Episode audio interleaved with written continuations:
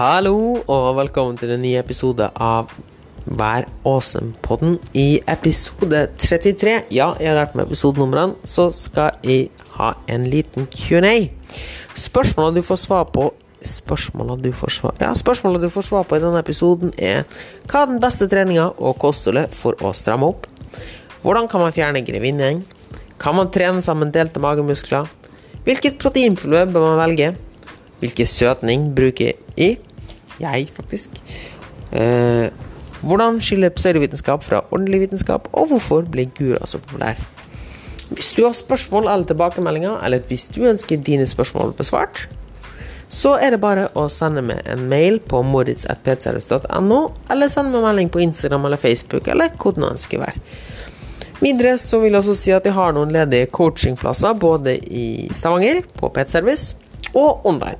Så hvis du ønsker å få hjelp i din trening og ditt kosthold, så er det bare å sende meg en melding, og så kan vi se om vi er en god match. Sist, men ikke minst, vil jeg også minne på at jeg setter veldig stor pris på om du kan gi denne podkasten en vurdering. Uh, uansett hvor du hører på den. Og igjen gjerne et abonnement også, slik at du ikke går glipp av en eneste episode. Og med det så ønsker jeg en god lytt.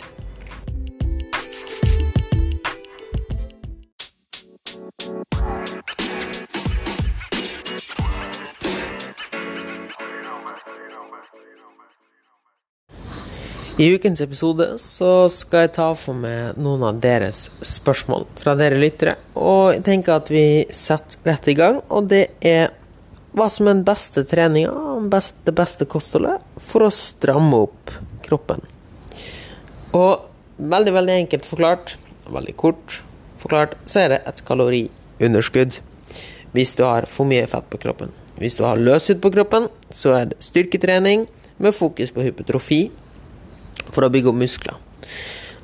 Det folk flest ønsker, er jo en kombinasjon. Altså at vi ønsker å gå ned i fettmasse, samtidig som at vi fyller opp kroppen, altså den overflødige huden, med muskelmasse, slik at vi ser blir stram i fesken. Og det beste kostholdet og den beste treninga er den du kan opprettholde over tid. For dette her vil ta tid. Og det er ikke noe sånn at du kan gjøre én en enkelt øvelse, eller at det finnes den ene matvaren du må spise. Jeg bare tuller, du må spise masse, masse eh, rødbetekstrakt for en optimal oppstrammende effekt. Eller så må du kjøpe vitamin E eller Supergreens eller et eller annet sånt. I hvert fall er det det vi får trodd hvis vi skal tro på enkel markedsføring. Og det er heller ikke slik at enkelte mageøvelser vil stramme opp magen din, eller at rumpeøvelser vil stramme opp rumpa di. Til en viss grad. Um, det det kan gjøre, derimot, er jo det at du kan bygge muskler i det området. Som kan gjøre at du fyller ut ting bedre. Og vi skal ta det steg for steg. Hvis du ønsker å stramme opp og er litt slapp i fesken, så er det mest sannsynligvis at du har for mye over, at du har en del overflødig fett på kroppen. Det andre scenarioet er hvis du har hatt mye fett på kroppen, og nå er rett og slett mye løs hud. Eller at du er en av de eldre lytterne som begynner å få litt løs hud her, løsere og slappere hud her og der. Og det finnes et flust med kosttilskudd som blir anbefalt for å stramme opp huden. Og per dags dato er det ingenting som har signifikant effekt. Det er marginale effekter kanskje av kollagen, um, men det får vi ta en annen gang. Men det er ingenting som vil make or break it, altså ikke gjøre en stor, stor forskjell med tanken der. Det første du må gjøre, er å skape et kaloriunderskudd på en annen måte, som gjør at du kan ha et kalorioverskudd over lengre tid som gjør at du er god og mett. Jeg mener ikke en ekstrem diett eller slankekur, fordi det vil igjen gjøre at du bare ser dvask ut. Uh, men finn en måte du kan spise et kaloriunderskudd på på tid, for det vil redusere fettmassen din, som gjør at du sakte, men sikkert vil få mindre slabbedask. Videre så er det også anbefalt at du inntar tilstrekkelig med protein, og at du trener god, høvelig styrketrening. For etter hvert som du går ned i fettprosent, så vil du bli redusere i volum. Problemet her, altså størrelsen på kroppen din Problemet her er jo at huden din er vant til en større D. Så hvis du nå veier 10 kilo mindre, så har du jo 10 kilo mindre ting volum. Og det betyr at huden din nå omfavner 10 kilo mindre, som gjør at den blir løsere. Såkalt løs løshud. Huden din er til en viss grad elastisk og vil til en viss grad tilpasse seg og strammes inn igjen. Og her igjen, nei, det finnes til per dags dato ingen kosttilskudd eller tabletter eller plaster eller dietter eller treningsmetoder eller noe som helst som gjør at løsruten magisk forsvinner. Det som du kan gjøre hvis du sliter med veldig, veldig mye løshud, er operasjon. Tenk på det enkelt. Hvorfor skulle det ha funnes noe så dyrt og inngripende som operasjon hvis du bare kunne tatt et plaster, eller fulgt en eller annen spesialdiett? Nettopp. Så du kan være rimelig sikker på at disse ikke vil funke. Som for folk flest som ønsker å stramme inn, og ikke har vært enormt overvektig, så vil mye, mye, mye skje bare med tid og et sunt og variert kosthold. Huden er elastisk og vil sakte, men sikkert trekke seg sammen igjen. Ved siden av dette her så kan vi trene styrketrening for å bygge muskler, som igjen vil fylle opp den løse huden. Og gjøre at de ser fyldigere ut og strammere ut. Litt, blir litt strammere i fesken. Og nei, du kommer ikke til å få en gigantisk biceps med en gang, eller få gigaarmer. Men til en viss grad så er det det som skal til for å stramme opp. Og du vil gjerne ikke se bulket ut og supermuskulær ut, men du vil rett og slett se fyldigere og bedre ut.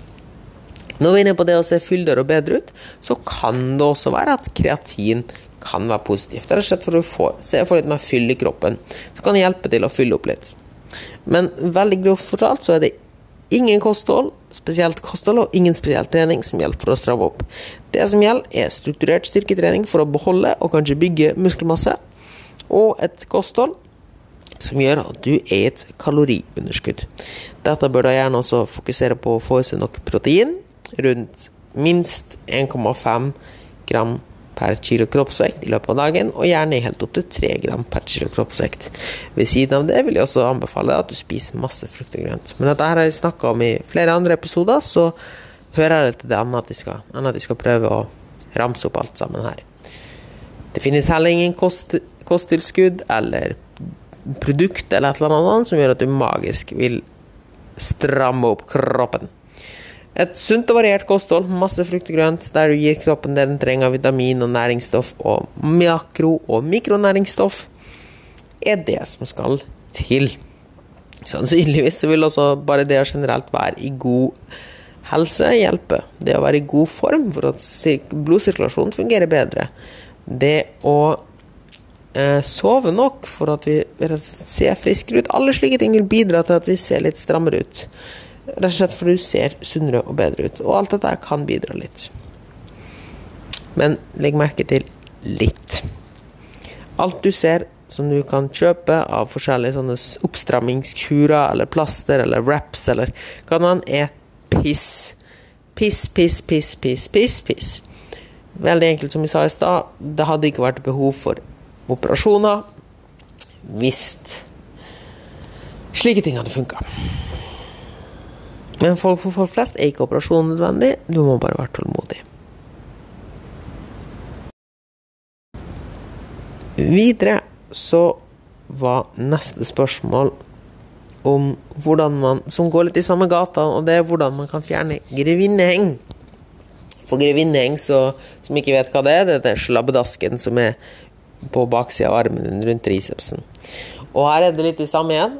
Mye er kaloriunderskudd, fordi det gjerne der samles litt fett. Og videre så handler det om å bygge muskler på armene.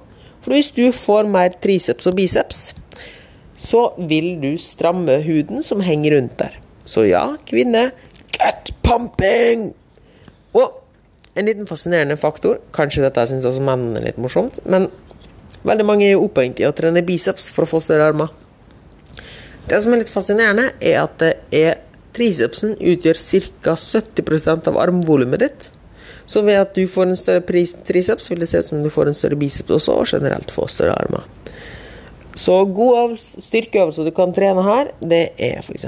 cable pushdown, eh, smal benkpress, dips, smale pushups, fransk press.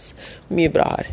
Um, det er også vist at tricepsøvelser der du har albuen over hodet, eller bak hodet, er mer effektivt enn øvelser der du har eh, ved siden, eller armen ved siden av kroppen.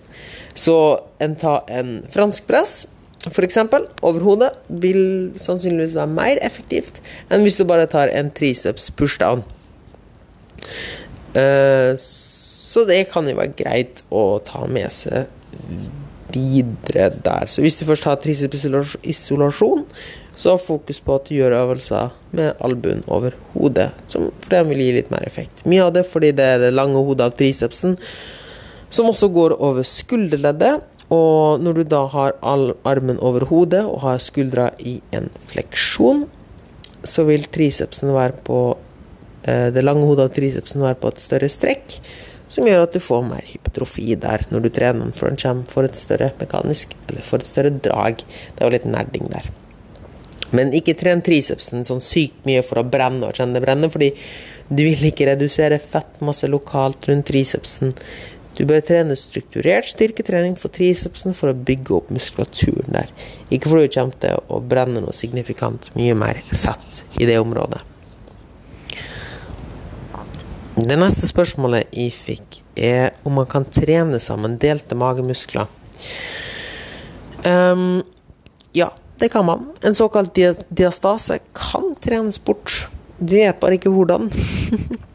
og det er litt paradoksalt, fordi det finnes så sinnssykt mange mammaprogram og mammatreningsprogram og etterpregotreningsprogram som hevder at de sin trening er unik for å fjerne delte magemuskler. Diastase, altså delte magemuskler, er forresten når linea alba, altså bindevevet mellom de to rette magemusklene, har blitt strukket over ca. 3 cm, tror jeg. Jeg husker ikke helt rett når det var 3 eller 4 cm. Det er helt vanlig å ha et lite mellomrom her. Det er det som kalles det bindevevet, linea alba, som er på en halv til en centimeter. Hvis det går over 3-4 cm, så har man da delte vagemuskler, og det kan nesten se ut som en brokk iblant, spesielt når man strammer dem. Og det kalles jo da faglig rektusdiastase. To fingre leser jeg akkurat nå. Hvis du får to fingre mellom magemusklene dine, er sannsynligheten stor for at du har rektusdiastase, altså delte magemuskler. Og det er da veldig vanlig ved svangerskap eller hvis du har vært veldig overvektig. Så også menn som har vært veldig overvektig, eller er veldig overvektig, kan ha rektusdiastase.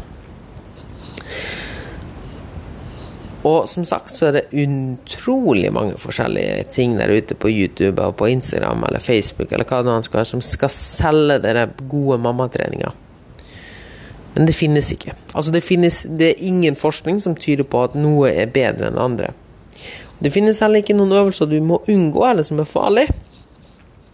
Uh, og det er faktisk en forskningsteam på NIH, altså Norges idrettshøgskole, som nettopp nå forsker på hva vi kan gjøre for å redusere rektusdiastase. Det eneste vi vet frem til nå, som vi kan si, er at det å trekke magen trekke inn magen, altså en hollow holds og slike ting, altså en vacuum holds, er det vel det kalles, ikke hjelp. Det øker faktisk avstanden mellom magemusklene. Men faktisk så vil situps og crunches eh, eh, trekke de rette magemusklene sammen, altså en kontraksjon. Så det kan jo være at det også hjelper når det kommer til å jobbe med å bygge magemusklene sammen. Men om, disse, om, den øvelsen eller sånn crunch sånn gir varig virkning, er svært usikker. Det virker logisk at når du trekker sammen magemusklene, så vil du også sakte, men sikkert trekke den sammen igjen. Men det du kan gjøre, er å redusere overvekten eller fjerne størrelsen på magen altså etter, hvis du har blitt, fått en større mage etter graviditeten. da. Hvis ting ikke blir, gror sammen av seg sjøl etter noen år, så, og det plager det veldig, så er det mulig med operasjon. Men generelt så vil mammakroppen som regel helbrede seg sjøl etter noen år. Tren vanlig, tren det som du får til, og du kjenner veldig fort om noe kjennes veldig ubehagelig. For det finnes ikke noen øvelse som er farlig for mammatrening. Det du kan gjøre som er bra etter at du har vært mor, er knipeøvelser. Men det skal jeg ikke snakke om i dag, men det er det, det, det vi vet hjelper for barn. Nei, folk som har fått barn. Eh, spesielt med tanke på at noen mener da at rektusdiastase også fører til eh, bekkenløsning eller lekkasje og alt dette der. Men det gjør det ikke. Eller ikke som vi vet, det er ikke en direkte eh, konsekvens av det. Selvfølgelig kan dette skje i forhold til et svangerskap, men det er ikke det som er grunnen. Um, der kan knipeøvelser hjelpe veldig, allerede gjerne når du er fortsatt gravid, og spesielt etter graviditeten. Og alle som selger sånn spesiell mammatrening og supermagetrening for å stramme opp magen igjen, eller sette den sammen igjen, er bullshit. Du kan gjerne være på noe mammatrening, og mammatrening er kjempefint, men hvis de hevder at denne treninga er spesielt bra for å trekke sammen magen, så har de egentlig ikke noe evidens på det. Sannsynligvis har de personlige anekdoter, eller 'ja, men se alle kundene mine', og så, ja. Men hadde de trent vanlig, eller hadde de kanskje ikke trent engang, så hadde magemusklene også grodd sammen. Og hva med alle dem som ikke fikk resultatene? Jeg tror ikke at du ikke reklamerer for dem. Nettopp. Så kort og konsist. Ja, du kan trene sammendelte magemuskler, men det vil ta lang tid, og det finnes ikke Og iblant så går det ikke, og da må du vurdere operasjon. Og per dags dato så finnes det ikke noen spesiell um, trening som er bedre enn annen. Og hvis du ønsker, så er det faktisk mulig å ta kontakt med Kari Bø på NIH, professor, eh, på seksjon for idrettsmedisinsk fag, så, eller Sandra Lødeng Gluppe, for å være med i et forskningsprosjekt angående delte magemuskler. Jeg gjentar Sandra Lødeng Gluppe, eller Kari Bø. Og hils gjerne fra Moritz Michelis. Kanskje de ikke kjenner meg, men uansett hils. Det er alltid gøy. Videre. Hvilket proteinpulver bør man velge? Oi, oi, oi, oi. Vel, generelt så bør du velge whey eller kaseinprotein.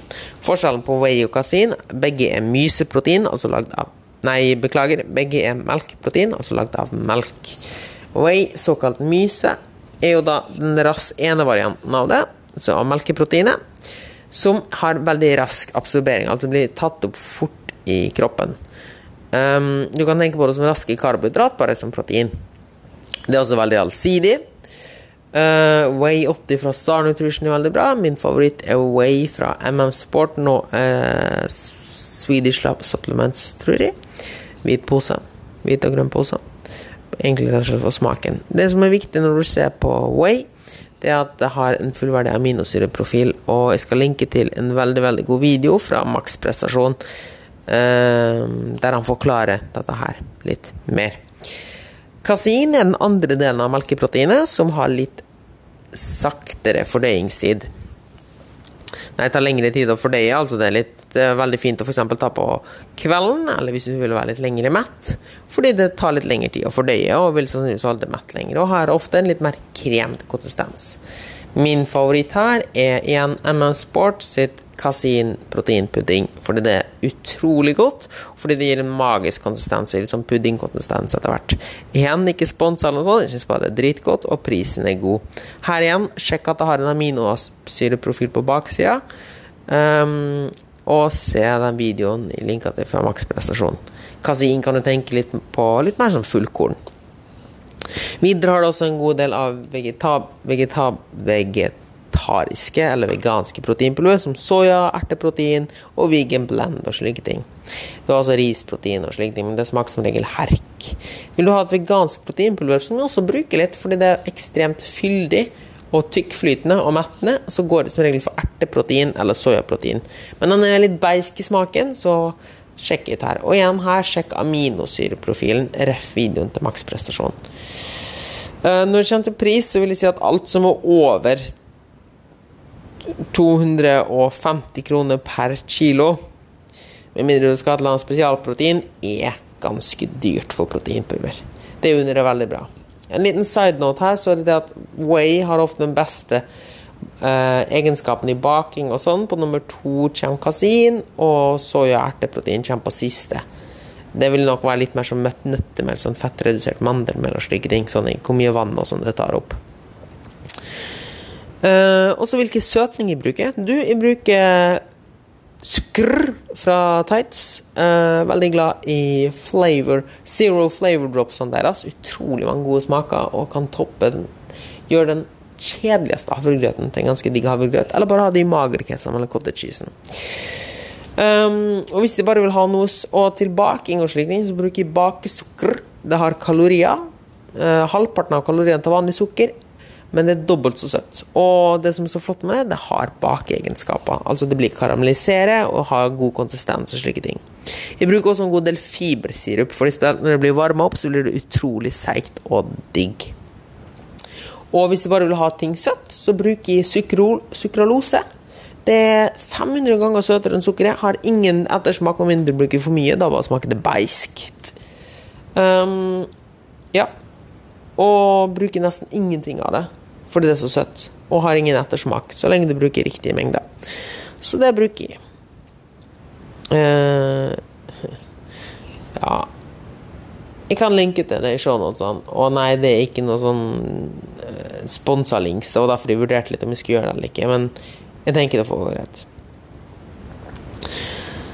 Uh, og så Hvorfor er guruer så populære, og hvordan skiller pseudovitenskap fra vitenskap?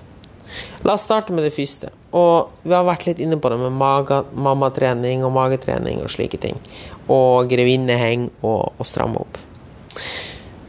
De er så populære for de liksom, guruer er så populære for de liksom har en banebrytende løsning på problemene dine. Det kalles også the shiny object syndrome, er den gode, gamle måten det tar tid, og du må jobbe kontinuerlig, er kjedelig. Det er mye kulere og spennende å finne opp kruttet på nytt. Og det er kjedelig å bare si følg Helsedirektoratets kostholdsråd, får du nok protein, spis et kaloriunderskudd, ta tid. Det er kjedelig å høre. Det har vi hørt veldig ofte. Så med en gang noen kommer noen banebrytende og nytt, den nye hacken, så vil det få mye oppmerksomhet. Sånn er det bare. Og når noen har løsninger på problemet litt, så vil det virke veldig, veldig spennende. I tillegg er de utrolig gode til å manipulere. Ekstremt gode på å spille på følelser og på tanker og slike ting. Ofte så leder de det også frem i en video eller innlegg, så skaper de et problem, eller får det til å tenke på noe, for å så gi det den overbevise løsninga. Og dette her legger ikke du merke til. De vil bare komme med små hint og drypp i løpet av en video, f.eks., og så Men hva hvis, eller har du opplevd at Og sånne ting, da. Da vil dette her være løsningen, eller bla, bla, bla. Og de tinga har du bare Ja, ja, men det har jeg jo. Og det er fordi de har ledet det frem til det. Veldig ofte. Så de er veldig flinke på å spille det opp på den måten. Vil du ha et veldig enkelt eksempel? La oss gjøre det. Si hvit tre ganger. Så spør jeg deg, hva drikker en ku? Hvis du svarte melk nå, så tok jeg det så lett. Jeg leda deg til å tenke på hvit, jeg skapte et bilde i hodet ditt, og så sa du at kua drikker melk. Men ei ku drikker vann. Men fordi jeg fikk deg til å tenke på hvit, så sa du melk, og du tenkte ku. Og slik jobber også disse guruene, Dr. Berg og Dr. Fungi, eller hvem faen det skal være, som begynner å snakke om at ja, føler du deg oppblåst eller informatorisk eller bla, bla, bla.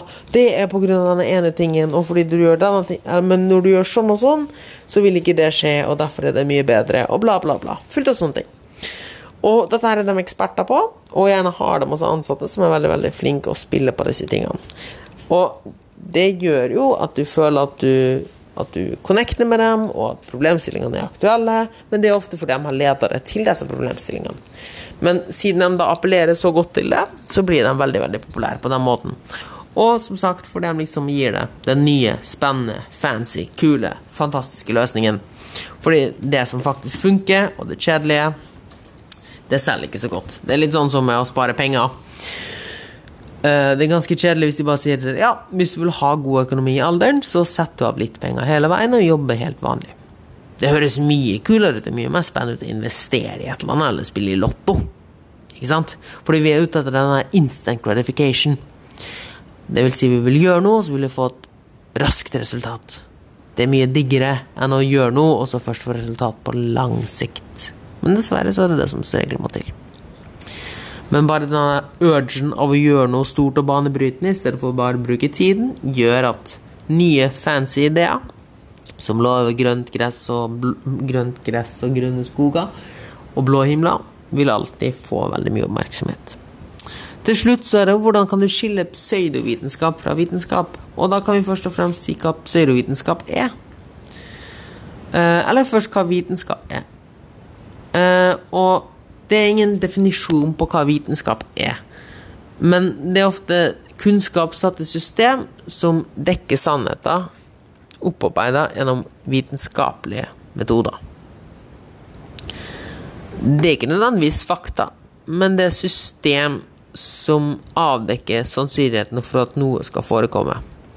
For eksempel at vet vi at regn sannsynligvis kommer ut fra observasjoner, det vi har sett, fordi vann Først så skinner det sol på vannet, som gjør at vannet fordamper. Vannet går opp i skyene, skyene går over til et sted med et annet trykk, og så faller vannet ned igjen når vannet er avkjølt. For eksempel. Finnes det ikke et bevis for denne teorien, som vi har nå skapt, hypotesen, beklager, så må vi, bør vi kanskje avkrefte den her. Så det er et system på ting, da, uten å gå i detaljer på det. Det etableres hypoteser, og det gjennomføres forsøk, og dataen dikterer sannsynligheten for utfallet. Og etter hvert så kan vi etablere en teori. Så vi kan bare avkrefte vitenskap. Altså Vi kan stille en hypotese, og ved en observasjon ser vi mer og mer at dette her ser ut som det stemmer. Den kan ikke bekreftes. Den vil alltid stå oppe til debatt. Et godt eksempel på dette er, eller vi kan ta det, at kaloriunderskudd Det er ganske mange Det er en hypotese, og det er ganske mange eh, bevis, eller ikke bevis, men forskning som tyder til at når du er et kaloriunderskudd, så går du ned i vekt. Det er per dags dato ikke lagd et bevis, selv om mange tror det, eller en avkreftelse for at noen har gått ned i vekt eller gått ned i fettmasse uten å være et kaloriunderskudd. Uansett hva hvilken som helst guru sier for det. Hva med pseudovitenskap? Jo, det er det direkte motsatte. Det ofte, uh, der vitenskap ofte har et klart og tydelig språk og satt i system, så er pseudovitenskap flashy.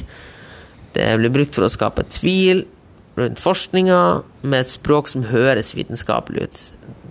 Det stilles ofte som et alternativ til vitenskapen, men som regel så kunne det ikke vært lenger fra sannheten. Det er ofte brukt et sterkt kvasireligiøst element, hvor man setter seg sjøl litt fremfor alt annet og kommer alternative løsninger. da. Liksom The Shiny Object, som vi var inne på med guruene. Uh, og gjerne ofte med litt sånn en holdning om at man vet mer enn forskningen. 'Helsedirektoratets kosthold er dårlig for det', bla, bla, bla. Ja, altså, ja men eh, Helsedirektoratets råd er dårlig for det, og se hva de Hvis de hadde vært så bra, hvorfor er så mange overvektige? Jo, fordi nesten ingen følger dem, din tosk. men en annen historie om det. Men i hvert fall så da, ikke sant, de setter seg over offisielle myndigheter. Da. Ah, 'Helsedirektoratets råd, kostholdsråd er dårlig, min sin løsning er mye bedre', bla, bla, bla. Og at de sitter på sannheten, og at forskningen vil bare at du skal vite, og Big Pharma og all den pisset her. Ofte så er det økonomisk intensiv og en appell til én autoritet. Uh, i stedet for at du skal appellere til autoritet. Altså, kjøp min alternative bok i stedet for å følge helserektorens kostholdsråd. Gjør min magiske fastende guide i stedet for å følge helserektorens kostholdsråd, etc., etc. Hør på meg istedenfor legen din, etc., etc. Ikke at lege alltid har rett, men du skjønner greia. Ikke følg det vanlige skolesystemet, men følg min flat earth-teori, fordi jeg vet bedre. Typisk pseudovitenskap. Og det blir veldig, veldig ofte tatt fram anekdoter. Eh, og at det blir hevda satt over vitenskap. Eh, og det blir brukt mye etos, og man bruker gjerne personangrep og personlige anekdoter. Så vi snakker litt om guruene, da, og også med mammatreningen igjen. Sånn at ja, men si alle kundene mine som har Ja, men de driter ikke hva kundene dine. Gi meg evidens, gi meg forskning. Ikke sant? Det har brukt personlige anekdoter og jobba mye på personlig basis. Det er også veldig vanlig for pseudovitenskap. Så hvordan kan du gjenkjenne pseudovitenskap? Jo, på språket, blant annet.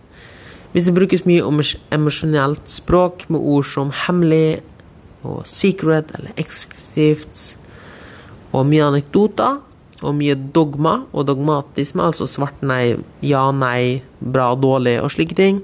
der det spilles mye på følelser, så er det ofte pseudovitenskap. Vitenskap er mye mer nøytralt. Eh, og hvis det er veldig vagt, så er det veldig ofte pseudovitenskap.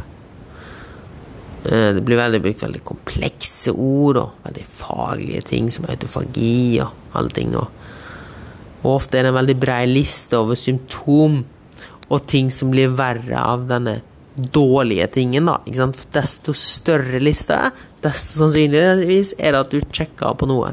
For eksempel, har du opplevd at når du spiser um, karbohydrater, at du blir slapp og sliten og trøtt og dårlig, får dårlig konsentrasjon? Eh, og kanskje du får eh, kvise, og kanskje du får vondt i store tåer, og kanskje du ser dårligere. Hvis listen er lang nok, så vil du sjekke av noe på den, og du vil kjenne ekstra godt etter. Og da vil du huske det senere. 'Å ja, men det var fordi jeg spiste karbohydrat.' Stemmer det? Og så slutter du å spise karbohydrat, og så slutter du Kanskje her er en tilfeldig det at du begynner å få kvise. Så tenker du 'Jeg visste det var karbohydratene'. Så lenge den lista det er, desto sannsynlig er det at du sjekker av på noe. Så et veldig fint sitat er det 'Where facts are few, experts and theories are many'. Så veldig kort forklart, hvordan kan du gjenkjenne pseudovitenskap? Det er svakt og tynt evidensgrunnlag, eller kanskje uteblir helt fra forskning. Ofte hvis det er forska på noe, det, eller hvis det er henvist til forskning, så er det bare enkeltstudier og små nisjestudier. Det er mye anekdote og mine personlige erfaringer. Og som sagt, kirsebærplukkede studier, altså se kun på én enkelt studie eller én enkelt forsker og slike ting. Og det blir gjerne brukt studier gjort på dyr, eller et, i et kunstig miljø, da, altså f.eks. i laboratorium. Og det blir gjerne appellert til én guru eller én ting i stedet for offisielle myndigheter, da. Og veldig ofte så blir det brukt veldig vage høytflytende ord da, som gjør at du skal bli forvirra. Og ofte så er de ikke villige til å gå inn i veldig faglige diskusjoner. Yes, det var alt jeg hadde. Jeg håper du fikk noe igjen for det. Det var mye snakking. Um, har du spørsmål eller tilbakemeldinger, så tar vi det seinere.